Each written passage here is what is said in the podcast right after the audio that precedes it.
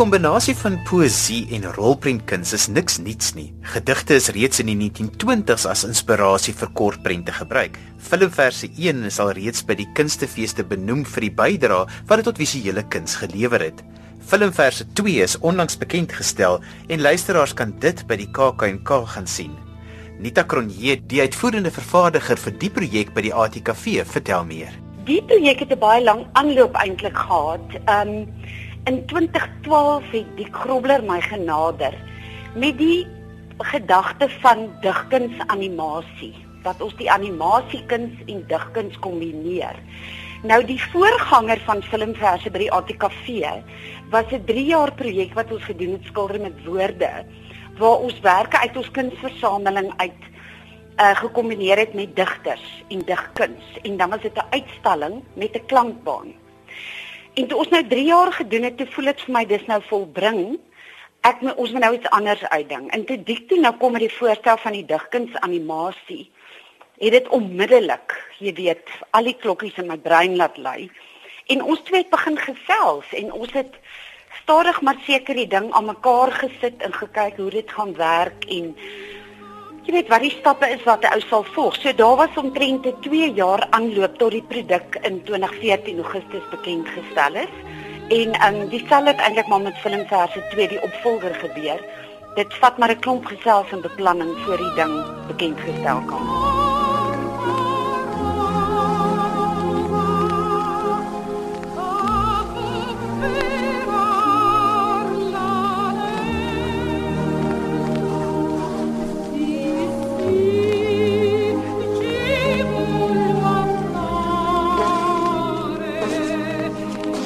My mamma is bossies.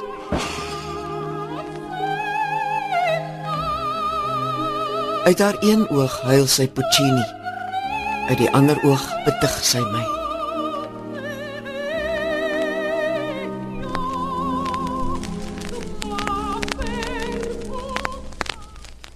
Snags skweel sy. Bedaar my kind, bedaar. Môre kry jy van soetpap en melk vers is eintlik 'n poësiefilm. Dis 'n kunsfilm van 'n gedig. Die verskillende animeerders kon kies hoe gaan hulle te werk met daai film met die baie belangrike beginsel dat die teks van die gedig was vir ons ontsettend belangrik om die bedoeling van die digter voorop te stel. So die integriteit van die teks en van die gedig was baie baie belangrik en hoe jy dit uitbeeld. My mamma is bossies. La sona molto felice, sing sy en pak haar kaarte uit. Hoe mooi is sy nie. Sy met haar hare soos primedante. My bossies ma met haar taai drome en onverwagte uitgelatenheid.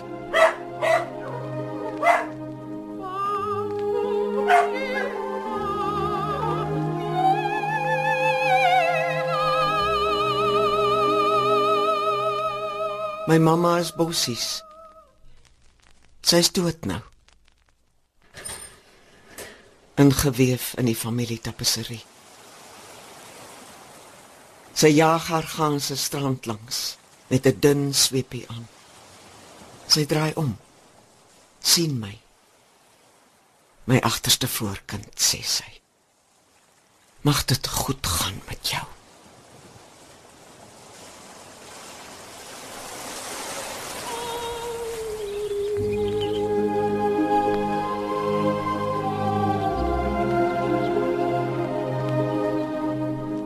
Dick Grobler was die artistieke regisseur. So hy het die hele kreatiewe proses van die begin reg deur begelei. Dit was eintlik 'n begeleidingsproses want ons het ook talle nuwe animeerders gehad. Die idee is om nuwe mense te kry om om hulle animasiekuns bekend te stel en opleiding te doen en in sodoende iets meer volhoubaar te doen. So op die ou einde het Naomi van Niekerk wat alreeds in filmverse 1 haar merk gemaak het, het toe my mamma's bossies van Jean Gosen gekies. Naomi uh, werk met met sandanimasie En sy het ook in die gedige daar verwysing na Puccini van ja van haar ma wat van Puccini hou. So sy het 'n aria van Puccini, O mio babino caro, het sy gebruik as 'n klankbaan vir die gedig wat ek dink op die einde 'n ongelooflike impak het, jy weet, op die gevoelswaarde van die gedig en byvoorbeeld haar klankopname is gedoen deur uh, Elise Kaywood. En so het elke animeerder sy eie klankbaan gekies.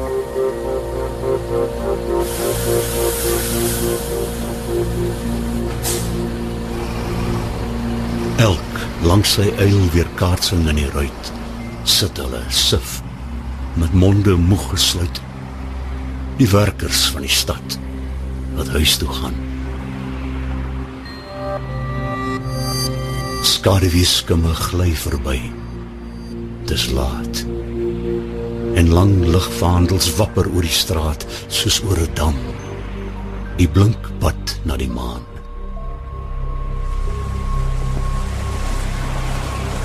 Ons ploeg deur storms see met ons kapers spoed, die stuurman aan die wiel, die passasiers die buit wat ons as slawe huis toe bring vanaand.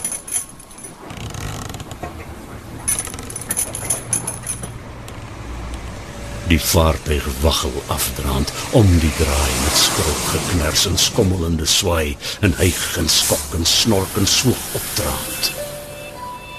Terwyl ons soos twee kinders opgetoe mekaar toe lag met glinsterende oë.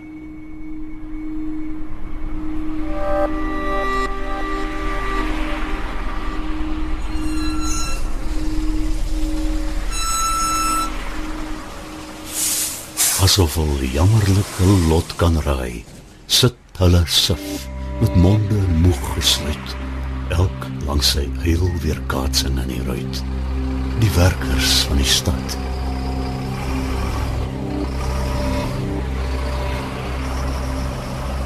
Wat huis toe gaan. Baie mense het byvoorbeeld ehm um, toevallige klank gebruik en en baie van die animeerders het 'n oorspronklike klankbaan geskep wat die beste sou pas by hulle film. Dit is my so lekker om te sien dat iemand soos Nathan Trantaal werk saam met 'n gevestigde illustreerder soos Alida Botma. En ons het byvoorbeeld in daai geval het ons besluit om Nathan se stem self te gebruik vir die stemopname van hierdie spesifieke gedig. Want ons het net gevoel dis belangrik dat ons Nathan se stem moet hoor in hierdie film en ons het dit dan nou ook so gedoen. My pa het dit eendag besluit ons moet begin goed doen as 'n familie. Daar is rond twee peninsula. My pa se groot geelpajo wat lyk soos 'n groot geelwalvis wat ons ingesluk het. Al ses kinders en my ma en pa. Daar is die sea point en alle reikmente staan op hulle balkone. Ek also vir hulle dop. amper soos die inversion van 'n safari.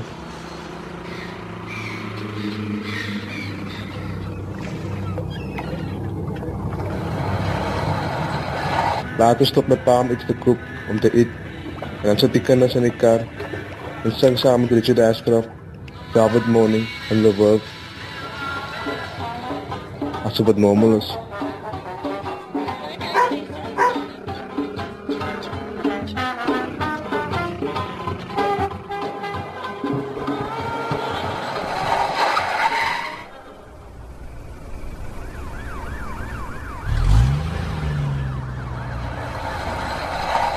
Nog later baklei my pa met ander en sit hom met die kar uit in die middel van Woodstock in die aand.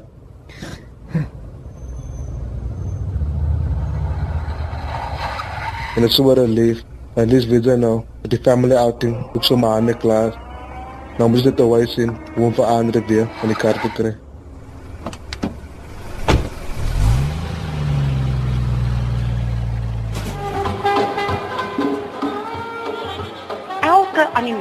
Animasiefilm het so unieke karakter en is op so 'n besondere manier geïnterpreteer en oorgedra dat ek dink die luisteraars moet maar self kom kyk en dit self kom ervaar.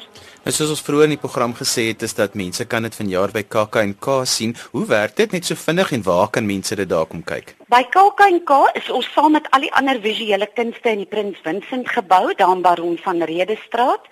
Dit is die moeite werd vir feesgangers om 'n draai daar te maak. Dit is 'n baie lekker een-stop um venue waar al die lekker werk wat deur Paul Bailes bymekaar gestel is, die kunskurator te sien kan wees.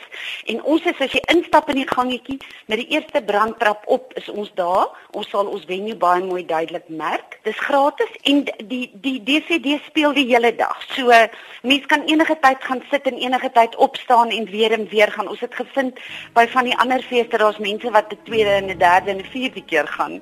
So ehm um, ja, mense kan dit baie beslis meer as een keer sien. Die tuine moes 'n uitvlug wees. 'n Wegvlug van die Mediterrane hitte vir die veroweraars wat gekom het om te bly. Hier was immer soms koelte, soms reën. Maar ook die vertroude krom olyfbome wat hulle groen vruggies laat val sodat die gesluierde meisie soggens vroeg voor die son ongenadig begin brand, hul mandjies kon kom vul. Ook vye en dadels om na die maal van skaapvleis en couscous soetheid te bring. Die tuine dan. 'n Strak muur van sipresse. Roosblare wat in die klipvywer dryf. Lavendel en kruisement. Lemoenbome kannas, jasmiin, waterlelies en nog 'n poel. Alles geometries. Geen beelde nie, want die word in die Koran verbied. Maar snags, miskien sou 'n donker voël opvlieg uit 'n granaat. Sou die blare ophou ritsel en die ruising van die fontein verstil as die wind van die woestyn 'n swart oogvrou herinner aan iets vaags en warm en loom